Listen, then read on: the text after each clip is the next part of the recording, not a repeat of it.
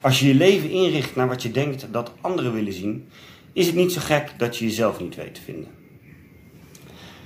Een quote die voortkomt uit een track met iemand, uh, die wordt, dat wordt genoemd als een people pleaser. De term kennen jullie vast wel. Iemand die graag altijd het andere maar naar de zin maakt.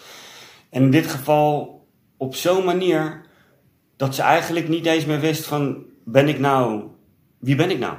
Degene die ik nu, 35 inmiddels, ben ik nou degene die ik ben? Of ben ik nou al de afgelopen 20, 25 jaar bezig geweest met mijzelf presenteren en neerzetten op een manier waarvan ik denk dat iemand anders dat wil zien?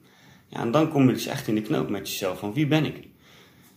People pleasers zijn mensen die zichzelf niet serieus nemen, die zichzelf bijna onbelangrijk gaan vinden. Dat, dat kan allerlei oorzaken hebben. Een van die oorzaken kan zijn bijvoorbeeld dat je als toen je jonger was, dan nu in ieder geval, ergens geen controle over had. Als je geen controle hebt over een situatie, is dat heel erg frustrerend. Dat is een trauma, kan je dat noemen.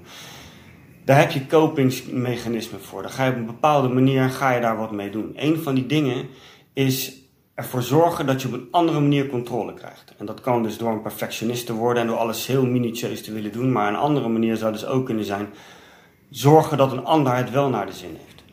Binnen jouw controle. Want jij bepaalt als jij wel of geen grote mond teruggeeft, of als je klein bent bijvoorbeeld aan je ouders, of wel of niet op een bepaalde manier kleedt of gedraagt, dat die ander zich in ieder geval laat zien aan jou dat naar zich, naar, dat hij het naar de zin heeft. Dat is een vreemde zin, maar ik hoop dat je begrijpt wat ik bedoel.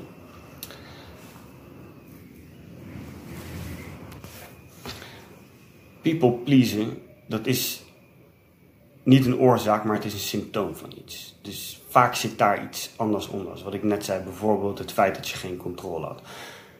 Binnen een traject, coachingstraject, kan je daar op een aantal manieren mee omgaan. Je kan aan de ene kant beginnen, dat is een beetje volgens de neurologische niveaus. Je kan aan de ene kant beginnen om de symptomen aan te pakken van het pleasen van mensen. Dus mensen bewust maken van, nou ja, ga maar kijken, wanneer doe je dat? Wanneer ben je bezig met iemand uh, het naar de zin maken?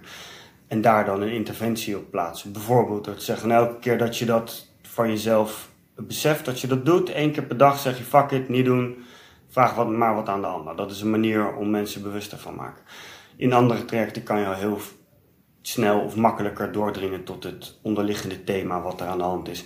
Waarbij bijvoorbeeld iemand zich niet gezien voelde vroeger. Maar als je je niet gezien voelt, als je een klein kind bent, of als je jonger bent in ieder geval, ja, dan ga je iets doen om gezien te worden. Want het enige wat wij mensen willen is gezien worden, belangrijk zijn. Het gevoel hebben dat je ertoe doet. En als dat gevoel er niet is, ja, dan ga je rare sprongen maken. Een van die symptomen kan dus zijn: zorg ervoor dat papa of mama of je ex-vriend of wie dan ook het maar naar de zin heeft, zodat je complimentjes krijgt, zodat je op een bepaalde manier contact krijgt. Eigenlijk wat kleine kinderen ook doen. Tegenhanger daarvan is dat ze kutgedrag gaan vertonen, dus dat ze negatieve aandacht zoeken. Ook dat, het is heel simpel. Een mens wil aandacht en een mens wil gezien worden.